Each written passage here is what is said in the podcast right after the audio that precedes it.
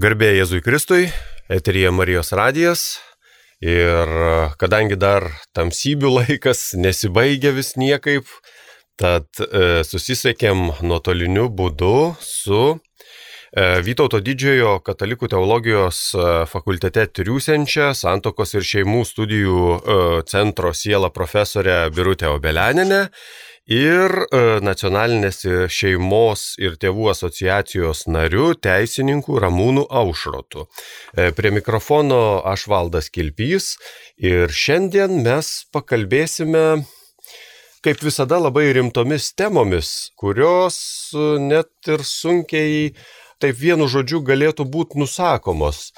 E, aš nieko nelaukdamas tiesiog kreipsiuos į gerbiamą birutę ir tada po truputėlį, kaip sakyt, visa situacija taps aiškesnė.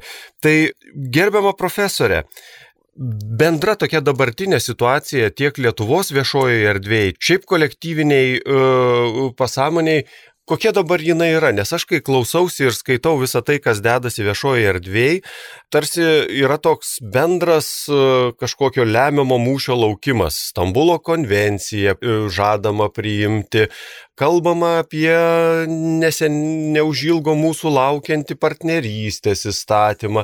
Taip pat kaip simptomatika, mes irgi pakalbėsim apie tai, yra nacionalinės šeimų ir tėvų asociacijos kreipimasis į, šeimo, šve, į Seimą, į švietimo komiteto pirmininką, nu ir visus kitus atsakingus asmenis, Kaip čia dabar yra? Galbūt kreipiuosi ir jūs abu, ir, ir jūs gerbiamas Ramūnai, bet pradėkim nuo jūsų, ponė Birutė. Ar iš tiesų tas toks įspūdis yra teisingas? E, įspūdis tikrai teisingas, galbūt pirmiausia labas vakaras, mėly radio klausytojai. Ir iš tikrųjų mūsų laikas laukia tikrai neramus, e, todėl kad yra žinios ateina neramios. Ir yra trys, galima sakyti, dalykai, kurie yra tikrai labai neramus, tai pirmiausia tai, kad gali keistis šeimos samprata, kad gali pasikeisti e, lyties samprata antropologinė. Ir e, iš tikrųjų tie žingsniai jau yra daromi ir galbūt klausytojai mažiau yra susidūrę su tokiais dalykais, tai, tai labiau turėtų rūpėti galbūt tėvams ir pirmiausia šita laida dėl to ir yra, kad atkreipdėmėsi tėvų dėmesį pirmiausia. E, mokyklose, švietimo ministerijoje ir, ir, ir vyksta toks labai, nu, jis galima sakyti viešas, niekur niekas nepaslėpta, yra viskas internetiniuose puslapiuose ir yra visą laiką nuolat skelbiama, bet tiesiog tėvai, jeigu ne, ne, nesidomi, nepamato, nepastebi, tai yra dar praeitos vyriausybės nutartis, kad pakeisti bendrųjų ūkdymų programų turinį. Ir šitas darbas jau yra pradėtas, jeigu klausytojams įdomu, gali pasižiūrėti. Mokykla 2030, pavadinimas internetinio puslapio arba nacionalinė švietimo agentūra, visi, visi sudėti, visi projektai švietimo programų, naujų turinių atnaujinimų ir, ir, ir taip toliau. Taigi, iš tikrųjų, tokie, aš tai sakyčiau, žem, žiūrint bendram, vertinant bendram kontekste, kada yra Stambulo konvencija, bus pateikta pavasario sesijoje, kaip mums sakė, galit net nebejotinai, tikrai bus teikiama. Tai konvencijoje yra labai aiškiai parašyta, kad iš esmės keičiama lyties samprata. Lietuvių kalboje ir mes visą laiką suprantama, kad lytis yra prigimtinė. Tai konvencijoje yra parašyta, kad lytis yra socialiai sukonstruota ir yra e, žmogus e, pagal priimtinas normas visuomenėje jisai vertinamas, koks jis yra. Taigi lyties samprata iš prigimtinės keičiama į socialiai sukonstruotą. Ką tai reiškia? Atrodytų, kad nu, vat, viena samprata pasikeis ir iš tikrųjų, nu kasgi čia dabar atsitiks, nu nieko kaip ir neatsitiks. Arba šeimos samprata paimam, pakeičiam ir kasgi čia atsitiks, niekas neatsitiks. Iš tikrųjų, tai kalba yra pagrindinis instrumentas. Dabar vyksta tikrai vyksta kolonizacija, ideologinė kolonizacija ir kurios pagrindinis ginklas yra kalba. Taigi pakeičiant sampratas keičiasi absoliučiai visas mūsų gyvenimas. Kitaip sakant, norit pakeisti žmogaus mąstymą, sąmonę, keisk sampratas. Ir e, žiūrint į tai, kad Stambulo konvencija tarsi ant slengščio ir tai, kas vyksta nacionalinė švietimo agentūrai, tai kad atnaujinami bendrojo ūkdymo turiniai, galima numanyti, kad tai jau yra ruošiamas Stambulo konvencijai. Mes gana ilgai 30 metų po nepriklausomybės mes visą laiką, sakydama mes, tai yra žmonės, kurie, kurie vadovaujasi krikščionišką antropologiją, tai yra tėvai, tėvų organizacijos e, visą laiką norėjo, kad būtų mokyklose prisidedama prie rengimo šeimai.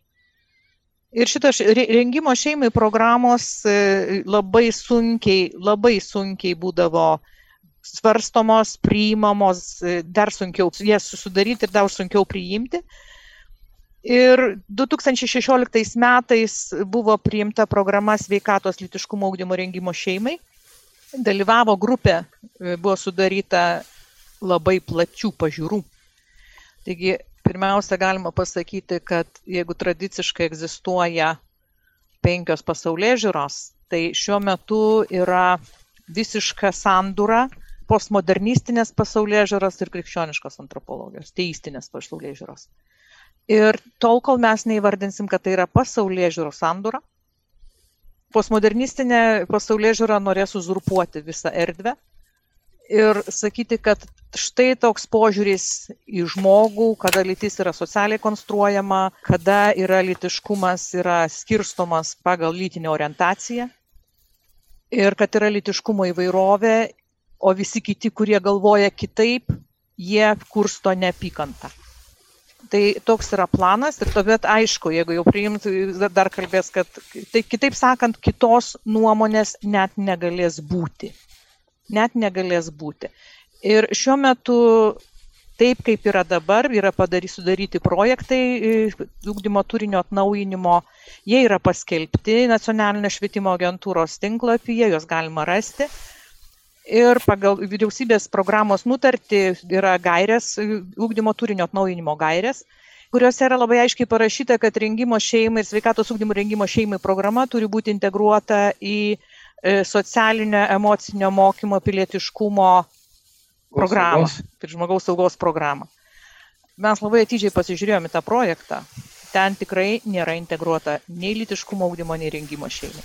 Kalbant apie lytiškumo ūkdymą, tai šitą terminą taip pat uzurpuoja lytinio švietimo apologetai.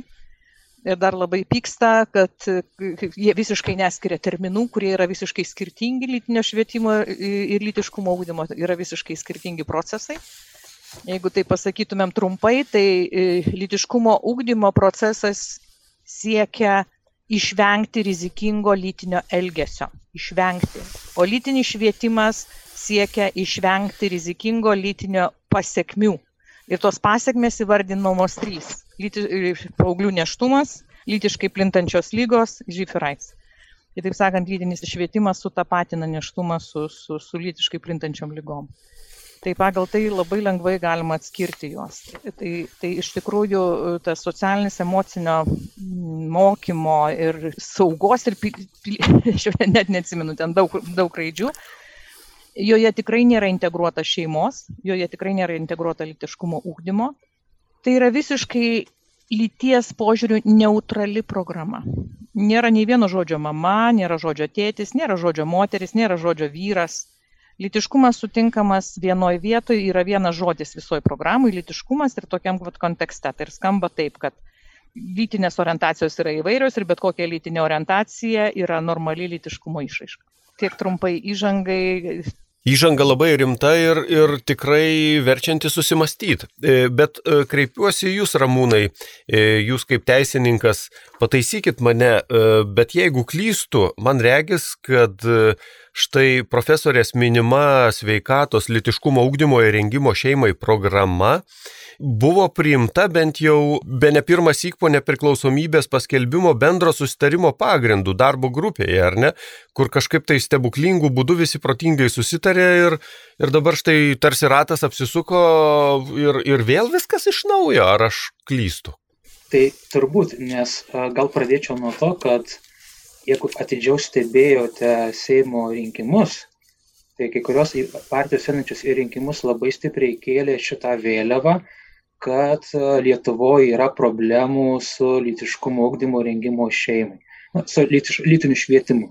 A, sakė, kad yra problemos ir kad ten jis, kad jisai nevyksta, nevyksta, nevyksta ir kad reikia pokyčių. Tokiu būdu jau buvo projektuojama esmėjai darbai.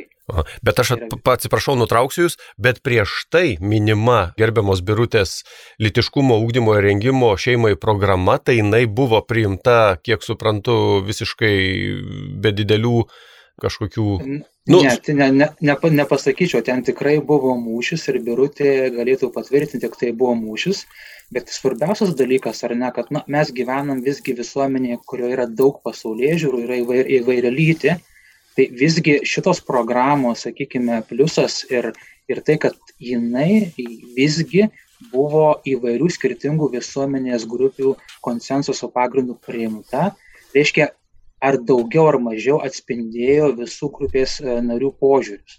Tai reiškia, na, ta prasme, demokratiškai priimta iš tikrųjų. Darbo grupės posėdžiai buvo balsuojama. Tai va, tai jūs gerai klausėte, kodėl šitą programą, kuri buvo priimta demokratiniu principu, dabar vienašališkai pasitelkus ekspertus, o realiai žinant, kad, e, reiškia, programos buvo ruošiamas tokiu pagrindu, kad buvo sudarytos ekspertų grupės pagal sritis šita programa pateko į socialinę sritį, į socialinę sritį patenka ir kitos programos, tai yra istorija, politologija, daug, daug, daug programų. Realiai šia, prie šitos programos dirbo tik tais vienas, vienas žmogus. Tai va, tai ir konsultacijų su visuomenė platesnių iš tikrųjų tai nebuvo. Ir todėl ir programa yra tokia, kokia tokia. Bet kodėl tas buvo daroma, tai yra labai komplikuotas klausimas, aš nenorėčiau klausytojų varginti, bet siejant su tuo kontekstu, kurį jūs paminėjote, Stambulo konvencija, partnerystė ir taip toliau, man taip atrodo kaip teisininkui, žvelgiant į tą programą, žvelgiant į Stambulo konvencijos tekstą, man atrodo, kad visgi ta programa iš tikrųjų nustato tam tikrus principus, kurie iš tikrųjų na, nėra patogus, prieštarauja ir netitinka Stambulo konvencijos dėgymo požiūrį į litiškumą. Labai konkretus pavyzdėlis būtų. Programoje jūs rasite lytiškumo apibrėžimą, lytiškumo, kuris suprantamas kaip paremtas prigimtinė lyties samprata. Lytiškumas, kuris apima biologinius ir genetinius aspektus, apima ir socialinius ir kultūrinius aspektus. Tai reiškia tokia holistinė lytiškumo samprata. Kaip ponė Birutė jau minėjo, Stambulo konvencija siekia nešti visai kitą lytiškumo sampratą. Ir dabar kodėl šita programa yra kliūtis? Jeigu pastudijuotumėt visus Lietuvos teisės aktus, pagal paieškos sistemą bandytumėt rasti, kur yra apibriešta žodis lytis, lytiškumas, jūs nerasite. Iškia lyties savokos konstitucijoje nėra. Šitos savokos nėra civiliniam kodekse, nors prieš trejus metus buvo konservatorių pateiktas pasiūlymas apibriežti civiliniam kodekse lyties sampratą, bet jisai ne, nebuvo pateiktas Seimo, Seimo posėdėje.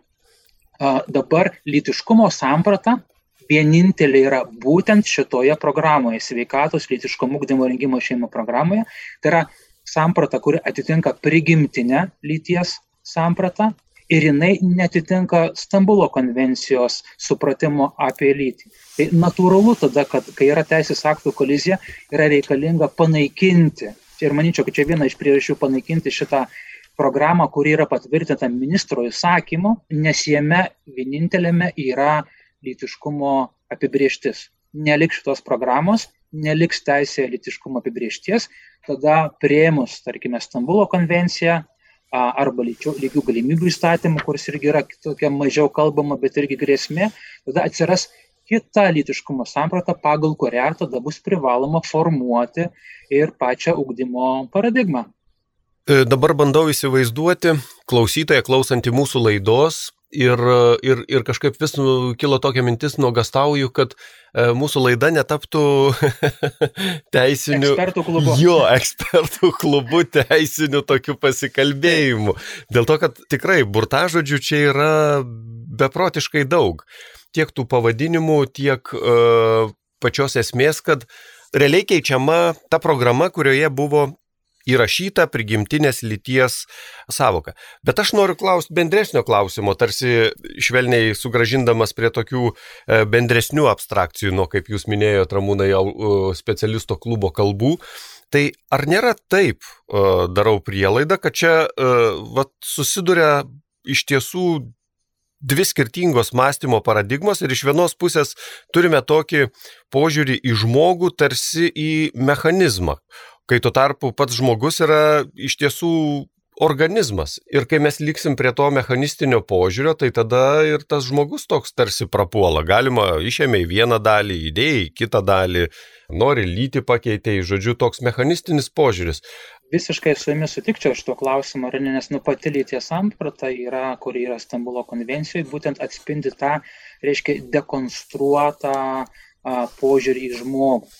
Nes, na, juk lytis tai yra reiškia vienovė įvairių aspektų, ar ne, ir prigimtinio, reiškia, ir, ir, ir biologinio, ir genetinio matmens, ir socialinės uh, dalykų, ir, ir, ir kultūrinių, ir religinių tam tikrų dalykų. Tai yra vienovė. O Stambulo konvencija pateikia lyties sampratą suskaidytą. Ten yra pabrėžiama, kad lytis yra susijusi su socialiniais, kultūriniais aspektais, kuriuos visuomenė na, priskiria vyrui arba moteriai. Tai kitaip tariant, tai, jeigu taip kalbėtų bažnytiniais terminais, kai mes sakom, kad žmogus yra kūno ir sielos vienovė, tai lytis iš tikrųjų būtų prigimta iš kitos e, biologinio, biologinio prado ir socialinio prado taip pat vienovė. Ir skaidant jį per pusę, tada tu dekonstruoji. Jeigu mes laikome žmogaus lytį ar ne tokiu universaliu organiniu konceptu, tai jis apima va, šituos visus aspektus. Ir tada tu negali atsietai nuo biologinio aspekto, atsietai nuo, nuo genetinio aspekto, sakyti, kad lytis yra fluidiška ir galima ją keisti, performuoti ar ne, kad jinai gali priklausyti nuo, nuo mano raiškos, nuo mano nuotaikos ar ne, ar dar nuo kažkokiu tai, reiškia, kitokių priežasčių. Tai kitaip tariant, na, pilnutinė lyties samprata, jinai įžemina lytiškumą ir įžemina lytiškumo raišką. Suskaidyta lyties samprata, jinai tada padaro lytį grinai, na, konstruktų abstrakčių, efemeriškų, kurio gali būti bet kas. Mhm. Bet aš norėjau ir papildyti ramūną mūsų, todėl kad e, atkreipkite dėmesį, kaip yra socialiniam konstruktyvizme ir, ir, ir kaip pagal ką yra skirstomi žmonės.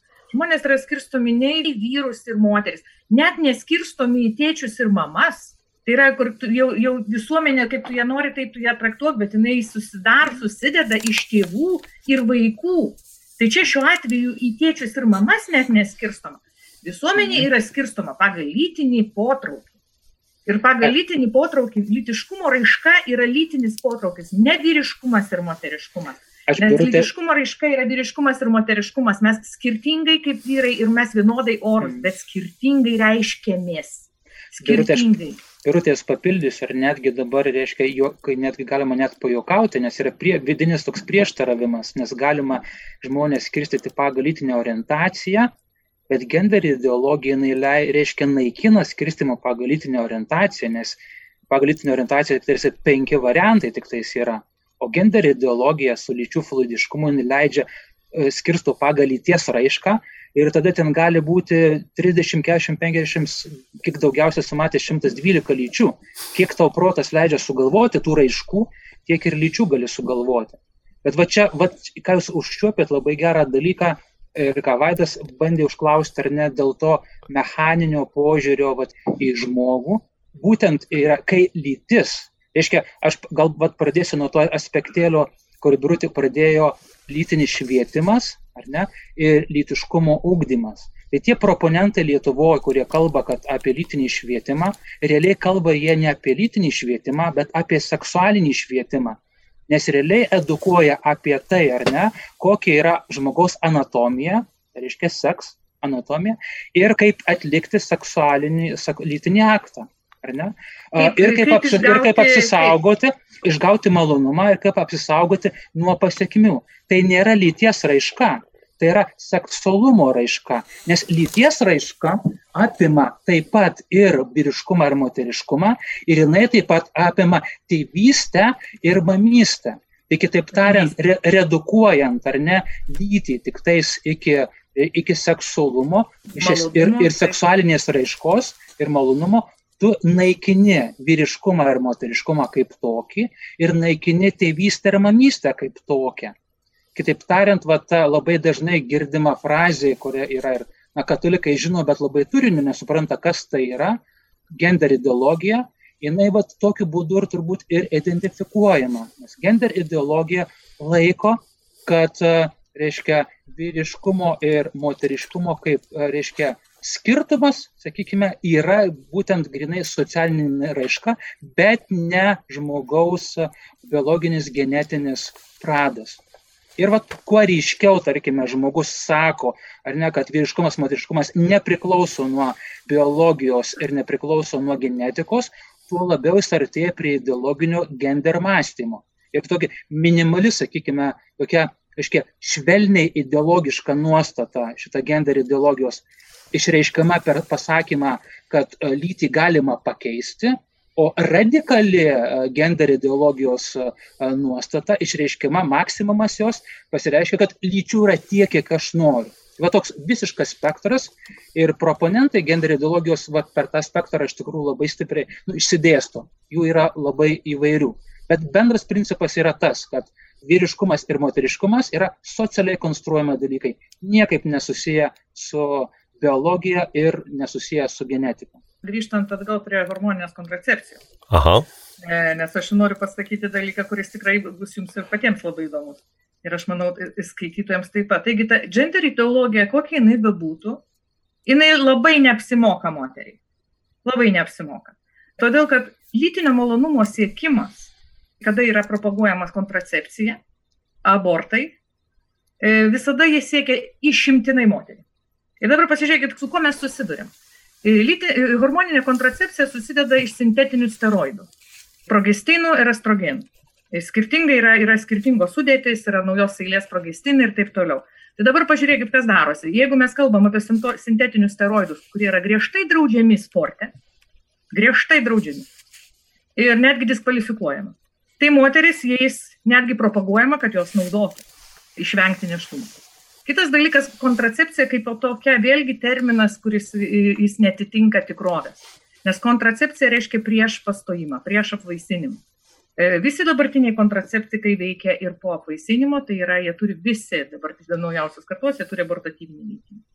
Tai yra, kitaip sakant, tiek feminizmas, tiek lytinis švietimas moteriai labai neapsimoka nes jisai yra nukreiptas prieš ją. Ir šitą gender ideologiją visiškai dabar užmaskuoja, tarsi ne va tai yra vienodi, bet pagal pasiekmes, pagal pasiekmes to lytinio malonumo siekimo, moteriai tenka jos, kaip pasakyti, visas buketas. Todėl, kad gender ideologija atmeta visiškai atmeta žmogaus kūniškumą, atmeta kūno materialumą, bet nuo to niekur nepadėsim. Tai, kad jinai atmeta, nepakeičia reikalo esmės. Mergaitės turi žymiai didesnį riziką užsikrėsti lytiškai plintančiam lygom dėl savo kūno anatomijos, kurios negali pakeisti. Aš birutė pradėjau. Lytinis aktas vyksta mergaitėje, moteryje, ne vyrė. Ir šito vėlgi negali pakeisti, nesvarbu, kad tu pasivadinsi, nežinau, kom tu ten pasivadinsi, bet, tai, bet šito dalyko negali pakeisti. Faktas reiškinio nepakeičia. Ir jeigu mes kalbam apie tai, kad lytiškumo ūkdymas siekia išvengti rizikingo elgesio, nes rizikingas elgesys tai ir yra e, ankstyvi lytiniai santykiai, lytiniai santykiai paauglystėje, kurį labai dėl kažkokių jokingų priežasčių paaugliai laikomi iki 19 metų mergaitės Ir kalbant vat, apie, kaip tik apie, apie kontracepciją ir apie gimdymus, tai didžioji dalis vis dėlto mergaičių 19 metų gimdo, o ne 15, kaip bando paaiškinti. Tai yra e, daugybė dalykų, kaip bando apgauti, manipuliuoti statistiką, manipuliuoti mokslu, e, manipuliuoti daugybę dalykų tam, kad įdėktų šitą gender ideologiją arba lyčiai neutralią kalbą, kaip, kaip jie pavadinti. Tai va, teks mums su tais terminais kažkaip rasti bendrą pavadinimą tai postmoderniai kultūrai ar antikultūrai. Aš biuru tai pridėsiu, ar ne, kalbam auditorija, kur yra vienas kitas išmanantis ir bažnyčios istoriją žmogus ir tam tikras erezija žmogus, tai man teko skaityti Škotijos evangelinių bažnyčių pareiškimą prieš lyties keitimo įstatymą, prieš gender ideologiją, nes ten tas klausimas nu, visų aštrumu buvo pastatytas prieš porą metų, kai buvo keičiamas, sakykime, švelnus E, lyties e, keitimo įstatymas į tokį tikrai radikalų su, reiškia, sąžinės laisvės varžymu. Tai bažnyčios turėjo atstovėti, kad tas įstatymas nebūtų primtas, joms pavyko tą dalyką padaryti. Tai e, evangelinių bažnyčių rašte buvo apžvelgta tokie ir teologiniai šitos gender ideologijos klyskeliai ir buvo įvardinas vienas labai paprastas dalykas, kad gender ideologija labai panieši iš vieną seniausių ir vieną stipriausių krikščionybės pradžios erezijų gnosticizmą. Tai yra, gnosticizmas yra klaidingas mąstymas, su kuriuo suduri bažnyčia savo raidos pradžioje, kuris sakė, kad kūnas yra nesvarbus, svarbi yra tik dvasia. Tai paradoksaliu būdu šita gnosticizmo erezija transformavosi ir į genderį ideologiją, kuri irgi sako, kūnas nėra svarbus, tu gali būti, kuo tu nori. Ir net tais atvejais, kai, kaip jūs sakot, faktas prieštarauja, reiškia, teiginiui, kurį bando gender ideologijos apologetas sakyti, tai tokiu būdu tą dalyką atsakoma, privaloma tvarka priimant įstatymus, kurie įpareigoja asmenis, vyrą, kuris sakosi moterimi, laikyti moterimi ir moterį, kuris sakosi esą vyru, laikyti vyru. Ir taip pat įpareigoja sudaryti galimybę maitinti krūtinę ir vieniems ir kitiems, turėti menstruacijas ir vieniems ir kitiems ir netgi jau man teko porą atvejų matyti susilaukti ir vieniems ir kitiems, nors tas matytas atvejis tai buvo iš tikrųjų moteris, kuri tapo vyru ir tada pradėjo lauktis. Tai iš tikrųjų tai jos kūnas, bet ne, bet ne, bet ne, ne, ne, ne žmogus, kuris, bet, bet ne vyras iš tikrųjų susilaukė. Bet tas pat, tikrovės ignoravimas ir vertimas kitiems asmenims priimti tą tikrovės ignoravimą ir pagal tai žaisti, tai iš tikrųjų totalitarnės veiksenos toks atspindys yra mūsų visuomeniai. Čia ir toks e baisu, ne tai, kad baisu, to gero, kad tai truputėlį nerim, ne truputėlį, bet gerokai nerima kelia, kad tai bus e, daroma žeminant kitus žmonės, žeminant kitais mastant ir išsakant, kad tie, kurie kitaip mano, kursto neapykantos kalbą. Tai va tai tas neapykantos kalbos prieimimas bus transliuojamas tik į vieną pusę. Aš dar pridėsiu, kalbant apie Stambulo konvenciją, ar ne, ir reiškia, ten mes turime, kaip sakant, nepilną, defektuotą ir neteisingą lyties sampratą, bet su ją tai yra tik viena tos lasdos pusė. Kita lasdos pusė, ką reikia svarbi, svarbu pažymėti, su ją eina nediskriminavimas dėl lyties, savoka, kuri nėra aiški, kuri nėra Lietuvos teisės aktuose apibriešta, kuri nėra apibriešta ar konvencijoje ir kuri gali būti interpretuojama labai plačiai. Tai reiškia, jeigu mes priimame konvenciją kitokią lyties sampratą ir kitokią lyties turinį, tada nediskriminavimu dėl lyties tapatybės tampa visa aibė reiškinių, kurie va, dabar galbūt mūsų visuomenė nėra pažįstami, bet tada išeina į viešą erdvę. Tai yra ir reikalavimas laikyti vyrą moterimi, atitinkamai kreiptis neutralia kalba į jį, reikalavimas leisti pakeisti lytį ir pakeisti asmens dokumentus su tuo susijusius, reikalavimas įteisinti lyties raišką, kuri galbūt netitinka mūsų kultūrinių normų ir taip toliau, ir taip toliau. Reikalavimas dalyvauti sporte, kitos lyties asmenim, Iš tikrųjų, tai yra Pandoros. skrynia, kurią padaro tik tais dviejų žodžių, sakykime, buvimas. Netgi kalbant, aš kaip teisininkas pasakysiu, nediskriminavimas dėl lyties tapatybės yra perteklinė savoka, nes pakanka nediskriminavimo dėl lyties. Nes nediskriminavimas dėl lyties apima ir lyties raišką. Tai nėra pagrindo papildomai sugalvoti naujos savokos, kad galėtum užkirsti kelią nediskriminavimui dėl lyties. Nebent tu tuo nori įteisinti, kaip sakant, nediskriminavimą dėl lyčių raiškos aibės. Mhm. Žiūrėkit, kas yra, jeigu pradėjom kalbėti apie Stambulo konvenciją, nors toks pirminis planas buvo vis dėlto kalbėti apie mokyklų programas, siekiant atkreipti tėvų dėmesį, kas, kas bus daroma ir kad tikrai pasižiūrėtų. Tai vos ne pusę konvencijos apima kompensavimo mechanizmas. Kiek kas kam turės sumokėti baudas už įžeidimą, kiek kas turės būti pakeista, kiek, reiškia, jeigu jau kalbam apie švietimo programas, jos jau keičiamos. Taigi tas kompensavimo mechanizmas tai gali būti labai įdomus, netgi kad, tarkim, netyčia pasikreipėtės į ponę, kuri galvoja, kad yra ponas, pavadinot ją ponę. Ir iš karto, reiškia, užsiveda mechanizmas, todėl kad taip pat yra, yra tarnybos. Kitaip sakant, vienas dar papildomas prievartos aparatas yra įvedamas įvairiais, įvairiais apmokėjimais ir taip toliau. Ir tas kompensacinis mechanizmas, kuris neturi jeigu aš klystu, pataisykit ramūnai, bet tai, tas kompensavimas jisai neturi senaties galios. Aš pridėsiu, Birutė, dar labiau nuliūdins iš tikrųjų jūs, nes jau panašus mechanizmas egzistuoja pagal ES nusikaltimų aukų direktyvą ir netgi mes, jeigu Stambulo konvencijos nepriimsim, dievulis taip susimylės padėti ir apšvie žmonių protus, tai įgalioja ES nusikaltimo aukų direktyvą kurio irgi yra galimybė gauti kompensaciją dėl diskriminavimo dėl lyties.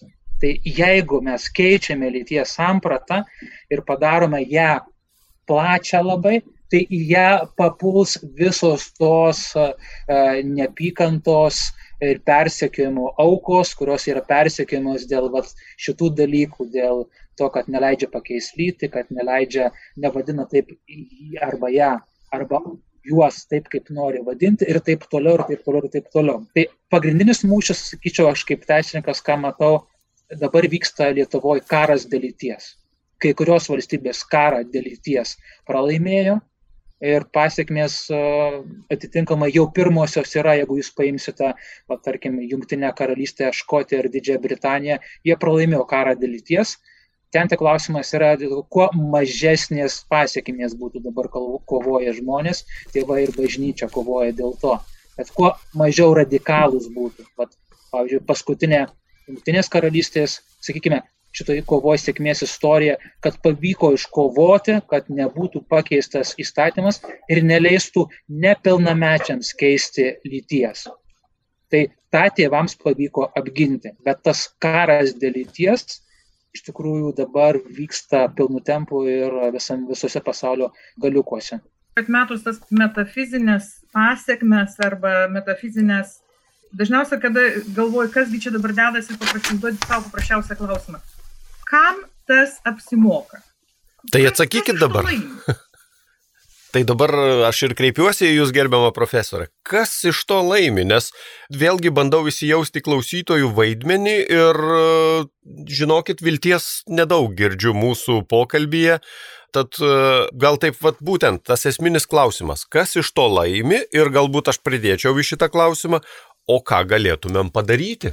Yra įdomu yra tai, ar ne, kad šita gender ideologija, jinai neša vėliavą buvo iškelta ta vėliava su siekiu ginti 0,4 populiacijos žmonių teisės. Tai yra tikrai, reiškia, jinai nėra visiškai ant tuščio pagrindo, jinai turi ką, sakykime, šiek tiek kažką pasakyti, ar ne. Tikrai yra, yra žmonių, kurie turi lyties disforiją, tai yra lietuviškai sumišimą dėl lyties, tai yra lyga, tai yra sutrikimas. Bet jie pasinaudodami tuo, šitų žmonių, sakykime, teisėmis, realiai įveda mechanizmą, kuris leidžia, kuris nėra reikalingas tam, kad apginti tų 0,4 procentų žmonių teisės. Ir tik birutės klausimas, o kam tai yra reikalinga? Na, žiūrėkit, žmogus, kuris pakeičia lytį, kas yra neįmanoma, žvelgiant į žmogų iš holistinės, iš visuminės perspektyvos, tai reiškia, jis visą gyvenimą bus, bus priklausomas nuo, a, nuo hormonų. Ir reiškia, kažkas jam visą laiką turės teikti, reiškia, duoti hormonus, išrašinėti, kažkas juos gamins. Tyrimai rodo, kad tokie žmonės, kurie pakeitė lytį, jų psichologinė savita nepagerėja, kažkas turės jiems teikti psichologinės, psichiatrinės paslaugas, psichoterapeuto konsultacijas.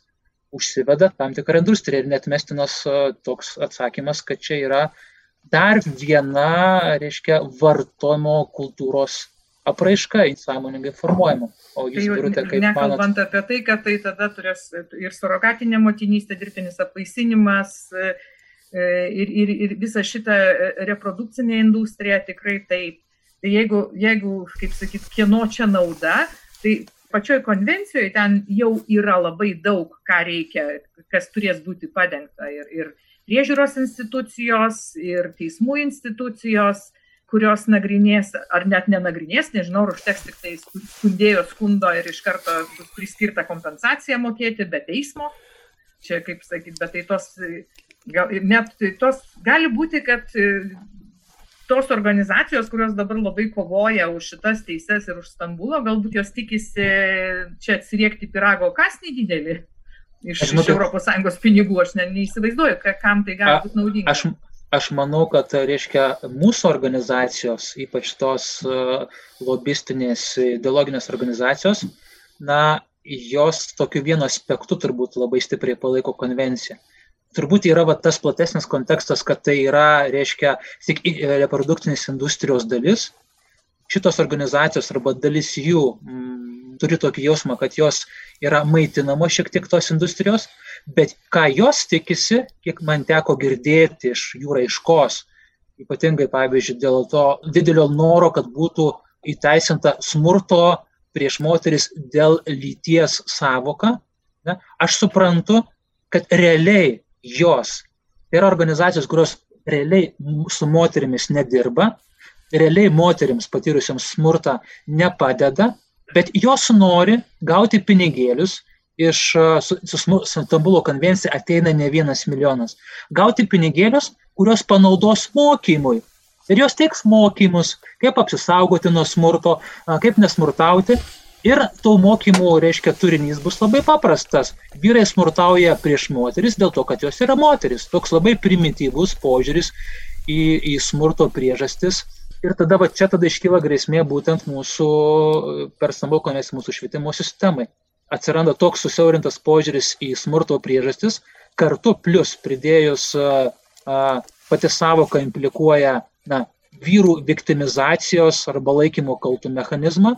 Reiškia, jos darys mokymas, o realiai pagalbos, tos, kurios reikėtų pagalbos, ne. moteriams nebus ir realiai pinigėlių sprendžiant smurto priežastis tikrasias, tai yra alkoholizmą, reiškia, betėvystės e, sindromą ir kitus, tie pinigėliai šitiems dalykams nebus skirti. Tai netgi, sakykime, objektyviai žiūrint į savo konvenciją ar ne, galima pasakyti, kad jinai nepasieks to tikslo, kurio jinai turėtų pasiekti ir tada tas noras įsisavinti pinigus yra grinai utilitaristinis, pragmatinis ir visiškai nesusijęs su Lietuvos visuomenės gerovė ir moterų gerovė. Tai yra noras susikalti tiesiai šviesiai pinigų. Štai tai. dalinai ir atsakėm į tą klausimą, kam visa tai naudinga, sakykim. E, bet aš e, jau e, žvelgiu į laikrodį ir matau, kad mūsų laidos laikas po truputėlį senka. Ir žinot, gerbėmieji pašnekovai, ką pajutau ir ką supratau šitame mūsų gal tokiame šiek tiek epizodiškame daug temų norint uh, sutemti į vieną nedidelę akademinę valandą, kas išriškėjo. Ir tai tebūnė toks uh, paskutinis klausimas uh, jum abiem, ar ne? Ar jūs nejaučiat, kad va štai dabar mūsų šitame pokalbyje mes kalbam itin sudėtingomis formulėmis, savokomis ir panašiai. O kai susidurėm su sakykime, oponuojančios pusės kalbėjimu, kalbėjimas yra maksimaliai paprastas. Smurtas prieš moterį. Kas yra prieš smurtą? Jūs esat prieš smurtą. Aš esu prieš smurtą. Ne, aš nesu prieš smurtą. Reiškia, viskas tvarkoja. Tai klausiu jūsų uh, abiejų kaip šitos ryties ekspertų kaip mums supaprastinti šitą kalbėjimą. Nes aš tiesiog sėdėdamas jau šitoje laidoje jaučiu, kad mes kalbame sudėtingai. Ir jeigu įsijungsite tam tikras žiniasklaidos priemonės, jūs ten išgirsite maksimaliai paprastą kalbėjimą, pamatysite maksimaliai paprastus žmonės. Ir pirmiausias klausimas jums, jums bus, o jūs prieš moterų smurtą? o jūs už tai, kad vaikas būtų lytiškai neugdomas ar panašiai. Beje, tarsi Dievo apvaizdos toks pirštas, e, klausiau radio ir buvo būtent laida e, skirta ne visai šitai temai, bet labai panaši gretutinė tema ir aš žavėjausi ten šnekančiai žmonėmis, kaip paprastai jie geba kalbėti ir kaip tu gali beveik patikėti. Ir, ir vienas iš jų teiginių buvo netgi tai, kad reikia daugiau kalbėti paprastą kalbą šitomis temomis. Reikia pripratinti žmonės prie šitų temų. Tai grįžtu prie pradinio klausimo, nes ir pats užsikalbėjau, kaip mums išspręst paprastai žodžiais nusakyti šitą beprotiškai sudėtingą problematiką. Yra vienas labai paprastas sakinys. Mes tikrai esame visi prieš smurtą. Nes smurtauti, tai smurtauti yra ir, ir neleistina, ir smurtavimas yra visom prasmėm yra smertina. Čia jau be jokios abejonės. Tačiau ir Vatramūnas gali patvirtinti, kad Lietuvos teisiniai sistemoje yra pakankamai įstatymų ir pakankamai reglamentuota, kad smurto prieš moteris nebūtų. Aš tai kaip, Aš kaip vyras paprastai pasakysiu. Na, labai gražiai galima dar kartą įsiklausyti į šitą sakinį Stambulo konvencijos. Vyrai smurtauja prieš moteris, kad jinai yra moteris. Tai yra smurto priežastis - buvimas moterimi. Na, jeigu gerai įsiklausai šitą sakinį, tu suprati, koks tai yra absurdas. Vyrai smurtauja, kodėl, ar ne? Reiškia, 60 procentų, kaip rodo statistika, 60 procentų smurto atvejų yra susijęs su alkoholiu vartojimu, narkotikų vartojimas. Tada nemokėjimas spręsti konfliktų, ne? Nemokėjimas išreikšti savo jausmų. Tai yra priežastys, dėl kurių yra smurtaujama. Ir čia žmonėms reikia padėti, bet nesakyti, kad jis turi intenciją ir jau nuo domo laikų turėjo, kai parodė į Jėvą, kad jinai yra kalta neskybulį, jau nuo tų laikų jis tik ir žiūri, kaip duoti į galvą moteriai. Tai yra, kaip sakant, nes jinai yra kalta.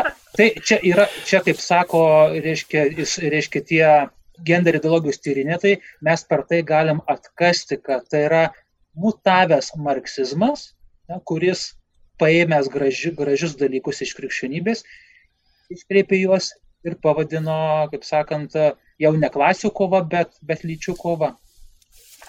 Kągi. Taigi dabartinis laikmetis ir yra tas laikmetis, kada juoda rodo už baltą. Ir būtent keisdami kalbą.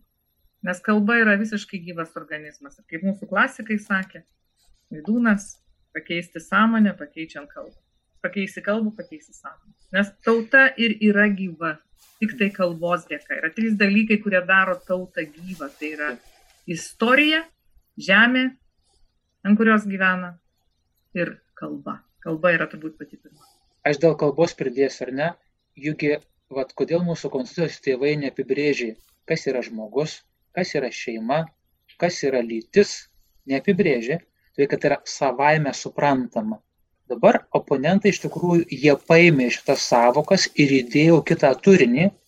Ir šiaip psichologiškai yra labai sunku, kai tu, nu, ta prasme, tau neaiškit nereikia, kas tai yra, dabar reikia paaiškinti tą dalyką, kurį tu, reiškia, su motinos pieno, reiškia, išmokai.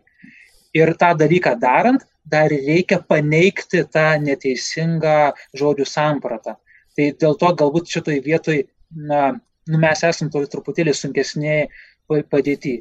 Mes turim paaiškinti dalykus, kurie yra savaime suprantami. Tai toks, čia yra toks kognit, reiškia, mąstymo mums nu, sunkumas šito vietų tą dalyką, dalyką padaryti. Oponentai ant to savokų turinio stato visą savo, reiškia, industriją, netgi visa industrija mokslinė tarnauja, kad ten pagrysti tą gender ideologiją ir kitus dalykus.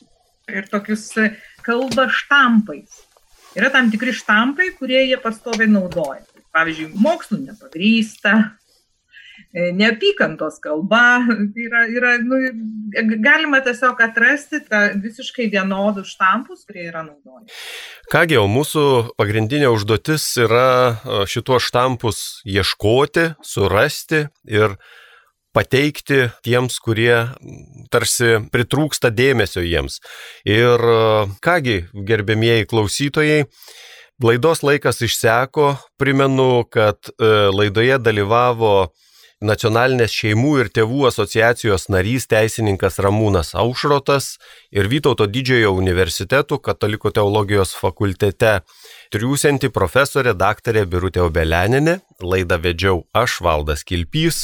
O galutinis palinkėjimas turbūt yra susijęs su tuo, ką mes ir čia kalbėjome. Likime prie savaime suprantamų dalykų, kurie yra gaunami su motinos pienu. Nieko daugiau nepridėsi, nei daugiau, nei mažiau. Su Dievu.